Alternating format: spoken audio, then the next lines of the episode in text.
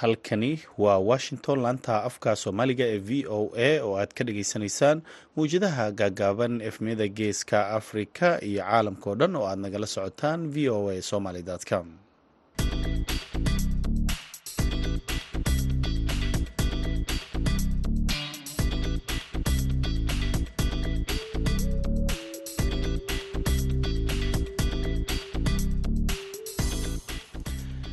duhur wanaagsan dhegaystayaal saacadda afrikada bari waxa ay tilmaamaysaa kowdii iyo barkii duhurnimo.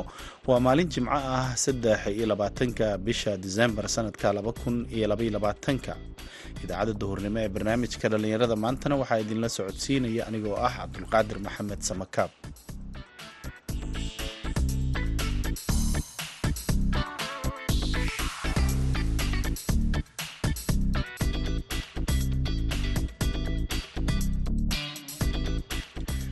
qodobada aad ku dhagaysan doontaan idaacaddeenna duhurnimo waxaa ka mid ah barnaamijkii sooyaalka dhaqanka oo aanu ku eegi doonno waraysyo ku saabsan raallahada dhegaystayaal toddobaadka dhaqanka soomaalida oo lagu qabtay nairobi.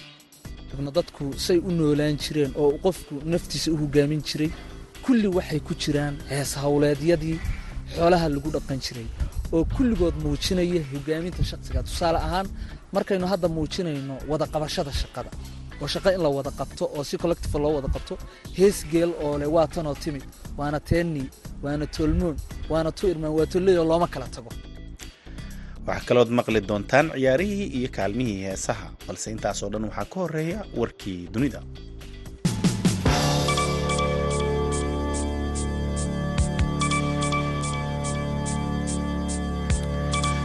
bayaan ka soo baxay dowladda federaalk ee soomaaliya ayaa lagu sheegay inay ka xun tahay shaqaaqooyinkii gacanka hadalka ee saaka ka dhacay magaalada baydhabo ee xarunta kumeelgaarka ee dowlad goboleedka koonfur galbeed. War-saxaafadeed ka soo baxay wasaaradda warfaafinta ayaa sidoo kale lagu sheegay in dowladda soomaaliya ay ku boorinayso dhammaan dhinacyada siyaasadda inay miiska wadahadalka ku xalliyaan kala argtiduwanaanshahooda iyo inay ka fogaadaan in dhiig la daadiyo baaqa dowladda ayaa imaanaya iyadoo magaalada baydhaba saakay uu ka bilowday dagaal xoogan oo u dhexeeya ciidanka amarqaata maamulka koonfur galbeed iyo maleeshiya beeleed taabacsan qaar ka mida musharaxiinta u taagan xilka madaxweynaha maamulkaasi. Muddooyinkii ugu dambeeyey waxaa jiray khilaaf sii xoogeysanaya oo u dhexeeya maamulka koonfur galbeed iyo mucaaradka ka soo horjeeda kaasoo salka ku haya muddo kordhin baarlamaanka koonfur galbeed ay saddex sano ka hor madaxweyne cabdicasiis lafta gareen ugu kordhiyeen hal sano oo dheeri ku ah muddo xileedkiisa. Laakiin mucaaradka ayaa ku gacan seeray kordhinta muddo xileedka madaxweynaha. Madaxweynaha ruushka valadimir putin ayaa khamiistii sheegay inuu doonayo inuu soo afjaro dagaalka ukrein isagoo tilmaamay intaas ay lagama maarmaan u tahay in la gaaro xal diblomaasiyadeed putin ayaa hadalkan jeediyey maalin kadib markii madaxweynaha maraykanka jo biden uu aqalka cad ku martiqaaday madaxweynaha ukrein valadimir zelenski islamarkaana uu u ballanqaaday inay sii wadayaan taageerada aan kala joogsiga lahayn ee maraykanka ula garab joogo shacabka ukrein putin ayaa sheegay dhinaciisa in hadafkooda uusan ahayn inay leexiyaan dagaalka laakiin taa beddelkeeda gebi ahaanba la soo afjaro iyagana ay ku dadaalayaan in arrinkaas si dhaqso ah loo dhammeeyo.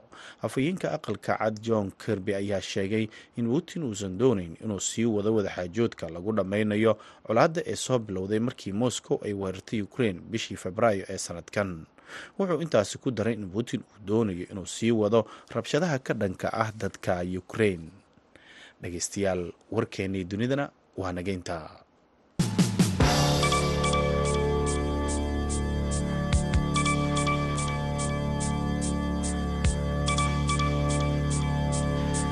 halkaaad warkaasi ka dhagaysanaysaan waa idaacadda v o a oo idinkaga imaaneysa washington. Subax wanaagsan mar kale. Dhegaystayaal haddana waxaad ku soo dhawaataan barnaamijkii sooyaalka dhaqanka. Wariyaha v o eda ee nairobi qadar maxamuud xareed ayaa soo jeedinaya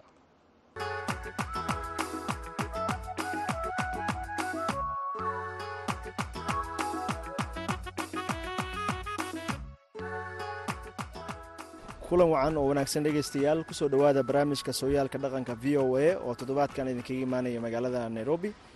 Toddobaadkan magaalada nairobi waxaa lagu qabtay bandhigga toddobaadka dhaqanka soomaalida oo ay ka soo qayb galeen soomaali kala duwan oo ku nool magaalada nairobi gaar ahaana dhallinyaro badan ayaa toddobaadkan bandhigga uu socday halkan ka faa'iiday inay ka bartaan noocyada kala duwan ee dhaqanka soomaaliyeed oo halkan lagu soo bandhigayay muddadii uu bandhiggu socday.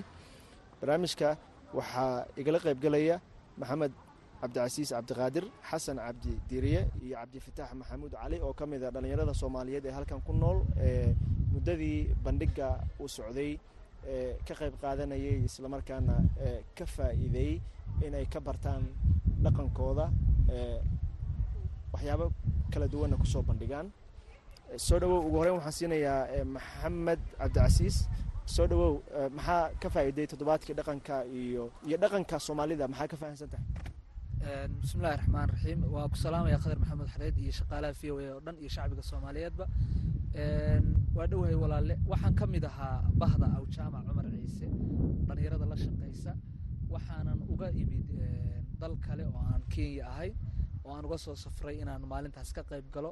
Tiam waagana waan ka mid ahaa. Runtii runtii wax badan baan ka faa'iidey dad badan oo soomaaliyeedna way nagala soo qayb galeen oo saaxiib u ah dhaqanka oo fanaaniin leh oo hooballo leh oo kooxihii dhaantada iyo ciyaarihii kala duwanaa leh marka waxaan odhan karaa waxaan ka bartay ciyaaro kala duwan oo laga cayaaro gobollada waddankeenna oo dhaanta leh oo waxa weeye shirib leh oo wax walba leh oo dhaantada laftirkeeda oo intaasoo jaad lahayd. Sidoo kale waxaan ka bartay alaab dhaqameedyo aad u fara badan oo lagu isticmaalo miyiga dalkeenna ayagana halkan lagu soo bandhigay. Waxaan kaloo ka faa'iidnay oo meesha ka jiray buug feer baa jiray isaguna oo qorayaal badan oo soomaaliyeed oo hiboolayaal ah ayaa buugaag badan oo u qalma inay dadka soomaalidu akhriyaan soo bandhigay. Marka wax badan ayaan ka faa'iidnay baan odhan karaa runtii waayahay ku soo dhawow barnaamijka magacaagana ku bilow iyo toddobaadka bandhigga toddobaadka dhaqanka soomaalida. Asalaamu calaykum waraxmatullaahi wabarakaatu gaadiyaasha barnaamijka iyo soomaalida. Soomaali maxamed waa salaamaya magacayga waa xasan cali jiiriye. Aad baa u soo dhaweynaya toddobaadlaha kaltarka soomaalida. Waxa weeye sidaan ognahay macadka jaamac markii loo fidiya dalka kenya waa macadka keliya oo ka shaqeeya karuqaadida dhaqanka iyo hidaha iyo af soomaaligaba marka maadaama aan kenya joogno haddana ay u badayiin dadka jooga qurba joogta oo la doonaya dayarta ama dhalinyarada soo koraysa ama ubadka jooga yacni la baro dhaqankoodii wixii miyiga lagu hayay la tuso yacni qalabka iyo akabka laga isticmaalo iyo yacni inaad marka aad fiirisay hidaha iyo dhaqanka soomaaliya leedahay iyo ciyaarta iyo jaandheerta yani waa wax ku dhiirigelinaya qof kastoo yacni daneynaya dhaqankiisa inuu yacni ka soo qayb galo oo xiiseeyo. Bulshada kalena waxa weeye uu la noolyahay la wadaago. Marka waxaan leeyahay wax badan ayaan ka faa'iiday. Insha allah waxaan jeclay inaan intaan ka badan sii xoojin doonaan si yacni dadkao dhan ay markaas noqdaan kuwa ka soo qayb gala barnaamij xasan maxaa marka laga hadlaayo dhaqanka soomaaliga wuu ballaaran yahay. Aad ba u guda weyn yahay. Marka ka dhallinyaro ahaan adiga maxaa maxaa ka fahamsan tahay noocyada kala duwan ee dhaqanka soomaalida wallaahi horta dhaqankan soomaaliya waa dhaqan ajaa'ib ah. Marka ay fiirisay dhacdo macnaa caadooyinka dhaqankeena la leeyahay. Yani waxaa ka mid a ixtiraamka waalidka bermageyada martisoorka yacni ixtiraamka dumarka iyo sharaaftooda yacni intaas uu dhaqankeena u leeyahay haddana wuxuu kor u qaadayaa in isdhexgalka bulshada dadka ala noosheeya dhaqankaaga tustay intaas oo caadooyin oo dhaqankaaga uu leeyahana aad la wadaagtay si macaa dhaqankaaga u noqdo mid yacni kor u qaado hornuqaan nusqaan aysan ku imaan. Marka aniga kadhayar ahaan waxaan ka faa'iiday markaan fiirisay wartiyeedka af soomaaliga iyo la soo bandhigayay waayo yacni sheekooyin badan hadal haysaan leenahay haddii aan hal iyo laba ku darsado yani markaa fiirsay wartiyeedkeena af soomaaliga yacni hadda kahor baa waxaa dhacday yani goor galab carow ah baa rag baa waxay soo martiyeen yacni reer reerkoona rag la'aan buu ahaa gabdhaha joogay adugu waa la soo dhiyay sidii aan caado u lahayn ama tusalka ugu fiicannaha oo kale. Kadib reerkii xilliga gabar aftahnada ba waxa loogu dhiibay inay raashinka u geyso kadibna way kiciso wixii jiraaday hilibku waa liyo ida la'aan baa leh waa solayo biyo la'aan baa leh waa dumar rag la'aan baa yacni habka dhaqankeedu markaas akademiyadiisa markaad fiirisay dadkaadi waaka si ahaan jiray. Yani waxaa laga dhehanayaa wixii waayaheeda ay ka taayo in dadka hadda jooga oo reemagaalka yani markay dib u fiirisay noloshaasi nolol cajaayib ahayd oo dadka hadda jooga ay doonayaan inay ku dhaqmaan oo hadalhays iyo murti iyo intaba ay u noqoto. Marka aad ayaa u soo dhaweynaya dhaqankeena cajaayibka badan oo akademiyadiisa waayahay. Waxaan kaloo siinayaa mid ka mid a dhallinyarada isna ku nool magaalada nairobi ku soo dhawow barnaamijka sooyaalka dhaqanka iyo waxa aad ka fahamsan tahay dhaqanka soomaalida. Magacay waa cabdifataax maxamuud cali khadar waa mahadsan tahay adiga iyo idaacadda v o a. Sidoo kale waa salaamaya asxaabta barnaamijka kala soo qayb gashay.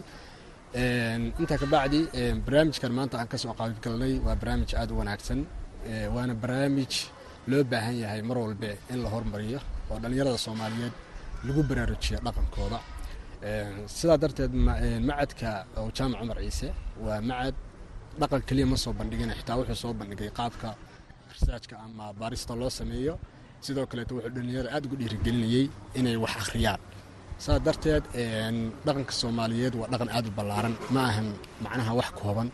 Dhaqanka soomaaliyeed waxaa ka mid a in waxaa ka mid a suugaanta. Waayo soomaalidu sidaan ognahay waa dad facoodu aada suugaanta garanaysaa u dhex gala. Deegaanada soomaaliyeedna markii la yidhaahdo waa kala duwan yihiin. Waxaan aad uga faa'ida waxaa ka mid a yacni dhaantooyinka ama heesaha ama waxyaalaha kala duwan iyo deegaanada soomaaliyeed qeybba sida ay yani u isticmaalaan.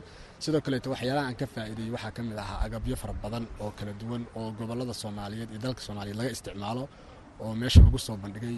Qaarkood aanan dee markii hore aan aada u aqoonin sidaa darteed waa barnaamij aada u wanaagsan barnaamijkan.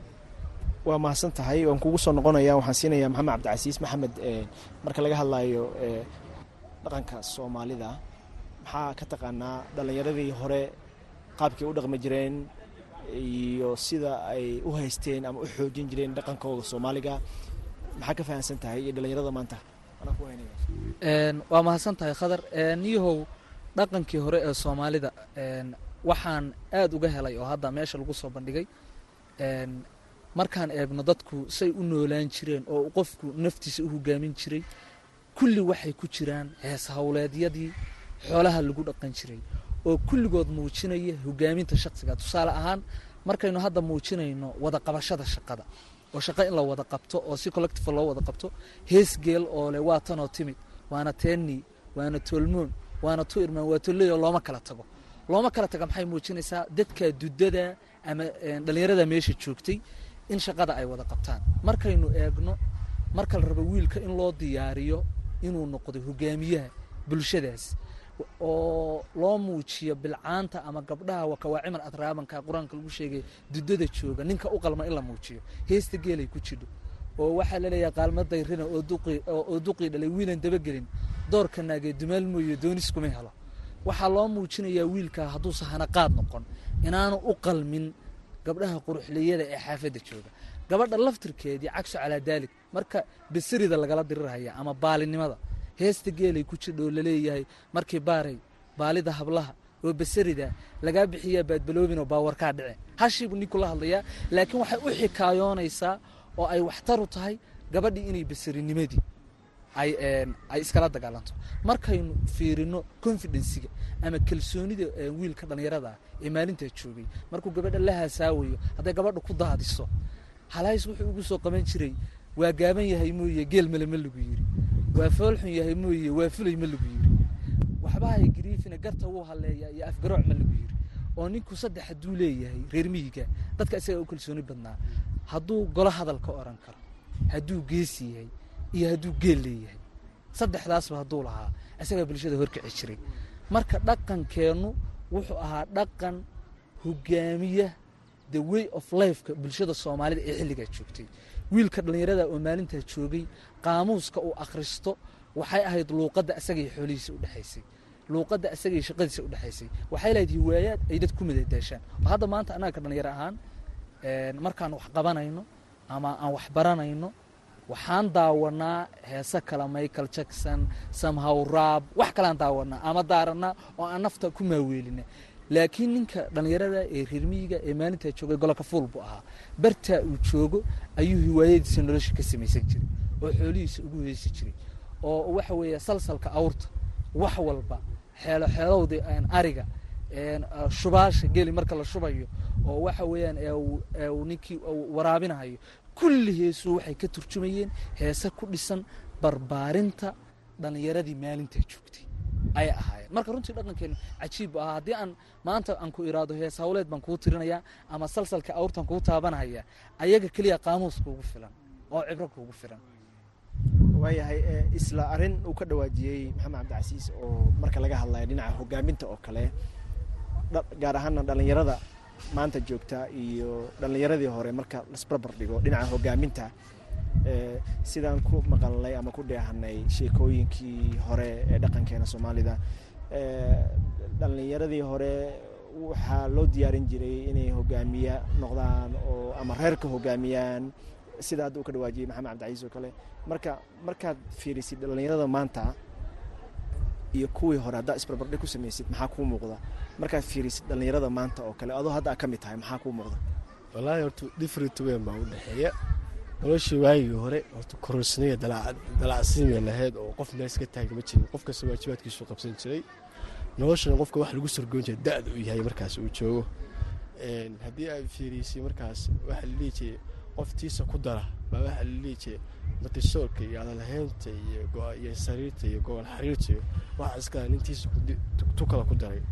Marka soomaalila waxay dhihi jiray hadda ka hore waxay dhihi jiray ninka la yidhaahdo bartime yaqaan.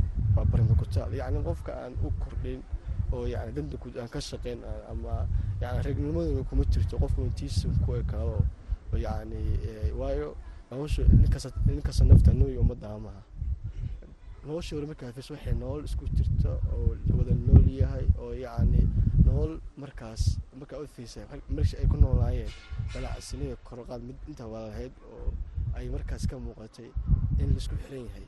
Oo ninku waxa weeye galjiraa uu tiisa qabsanayo gabadhii tagada qabsanayso nin qof meel iska taagayn ama makti ma jirin.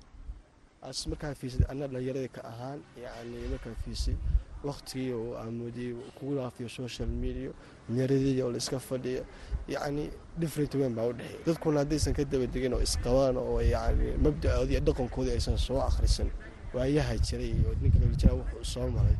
Yacni wuxuu luminayaa dhaqankiisa hore oo waxa dee dhaqanku markasta loo qabanayo oo loo xuseeyo oo idaha dhaqanka loo soo bandhigayaa yacni in noloshii hore aysan ugu noqon mid markaa laga gudbayo oo ay noqoto mid waxa weye markasta abdeed lagu sameeyo dadka dhalinyarada magaalka jooga yacni la garansiiyo inaan dhaqan u lahaan jirnay waayadooda siday ahaan jiray sugaantani waxay ka jiraay ninka ragga.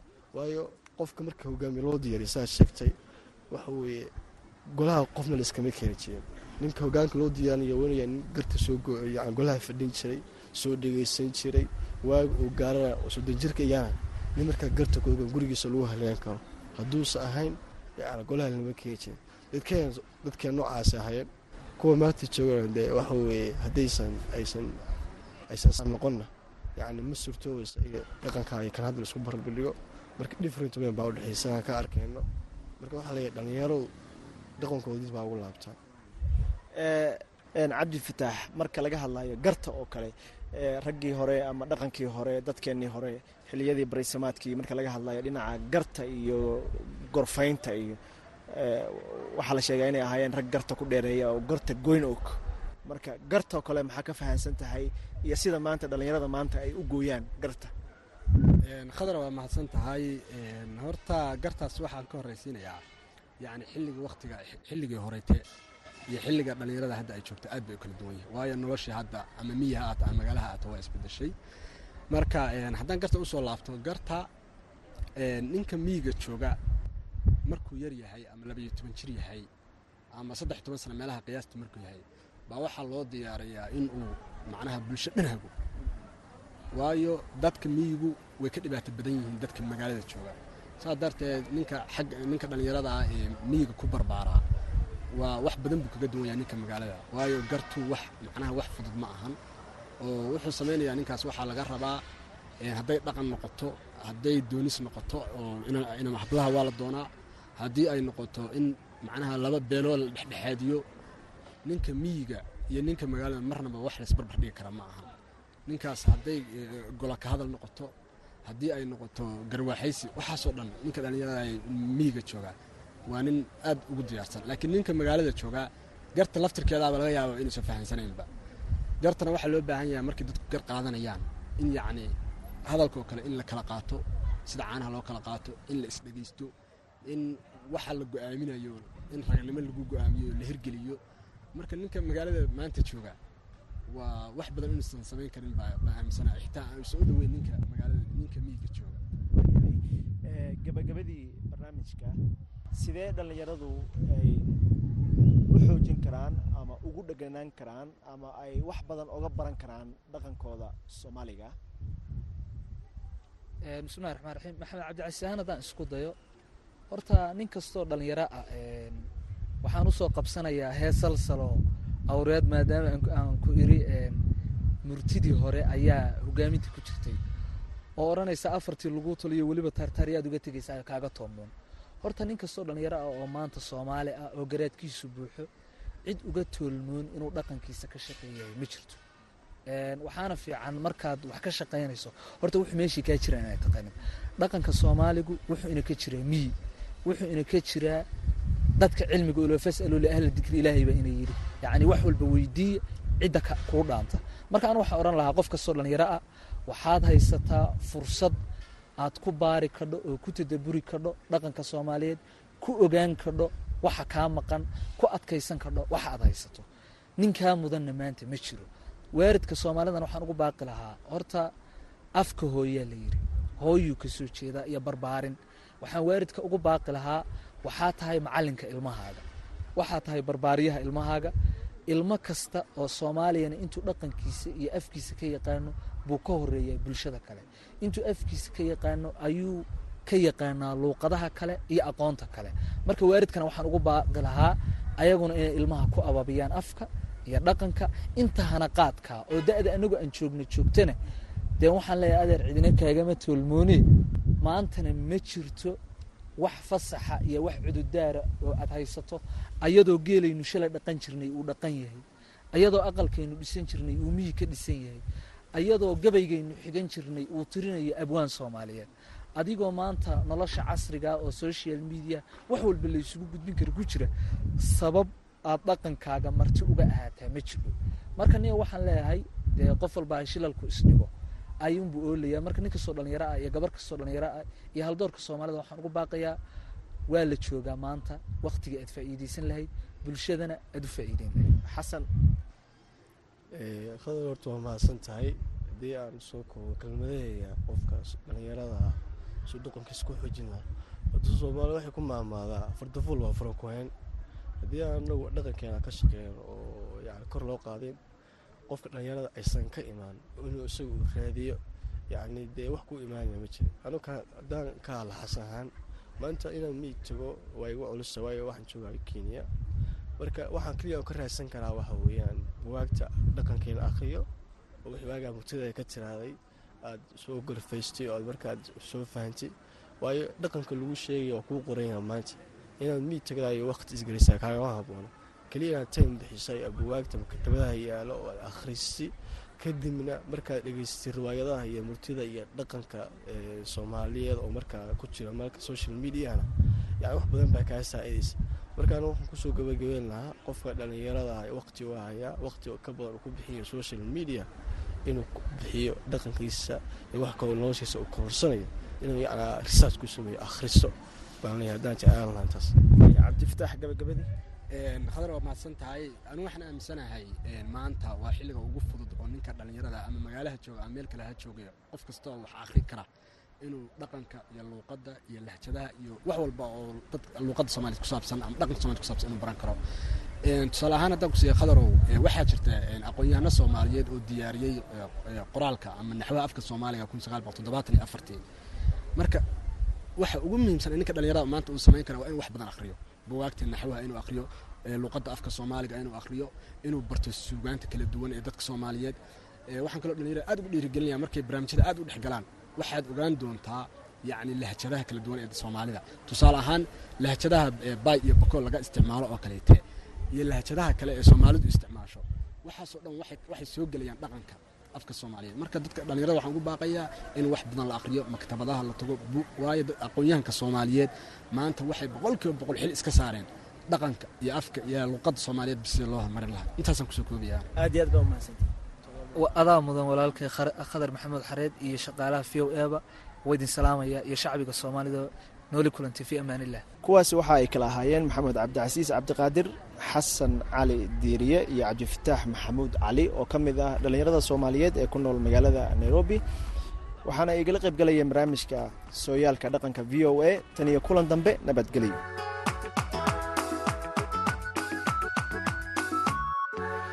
aad ayuu umahadsan yahay qadar xareed. Dhinaca ciyaarahana koobka e f lka ee dalka ingiriiska ayaa shalay la ciyaaray iyadoo kooxda manchester cityna ay u gudubtay wareegga sideedda ciyaar kulul ayaana dhex martay kooxaha manchester city iyo liverpool oo ka dhacday garoonka itixaad ciyaartan ayaana ku soo dhammaatay saddex iyo labo oo ay guusha ku raacday kooxda city goolasha kooxda. Itixaad ku ciyaarta waxaa u dhaliyey mahras ake iyo halan halan ayaana dhaliyey goolkiisii afar labaatanaad dhammaan tartamada oo dhan isagoo u muuqda mid aan la celin karin koobka e f lka ayaa dib u furmay laba maalin kadib markii la soo gebagabeeyey koobkii adduunka ee lagu qabtay dalka qatar. Manchester city ayaa waxay ku aadeysaa kooxda kale ee southampton waxaana wareega sideedda sidoo kale goobjoog ka ah united iyo charloton newcastle iyo lester iyo weliba nottingham forest iyo wolfis wararkeenii cayaaraha waa naga intaa markana waxaad ku soo dhawaataan kaalmihii heesaha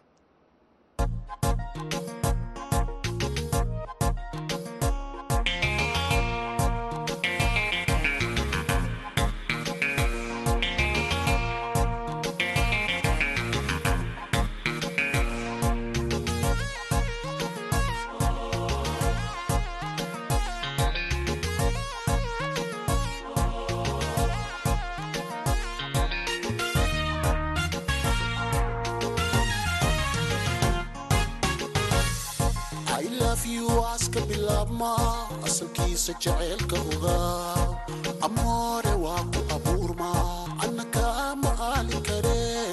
Uurkaadigu taale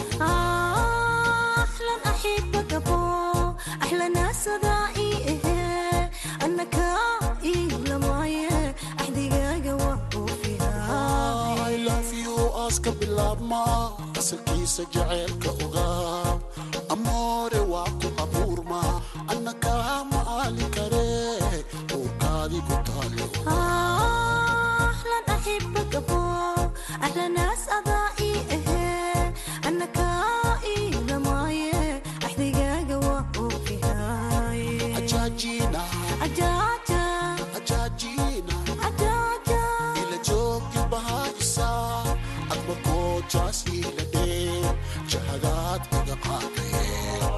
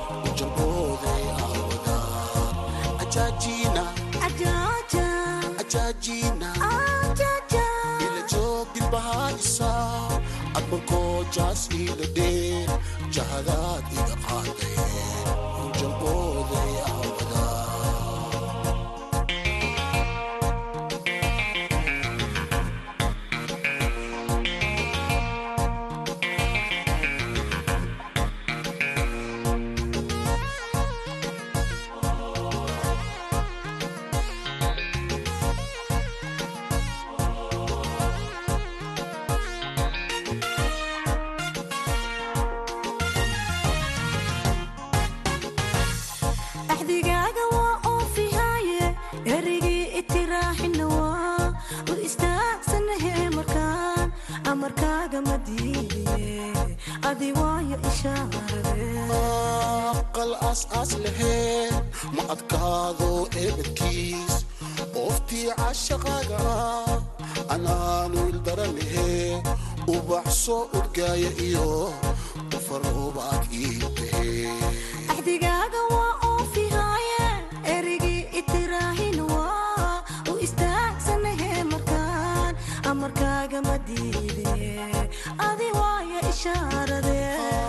codadkaasi cabdi maaxi muuye iyo xawkin ayaa u dambeeyey idaacaddeenii duhurnimo waxaa idinla socodsiinaya anigoo samakaaba tan iyo kulanti dambe nabadgelyo.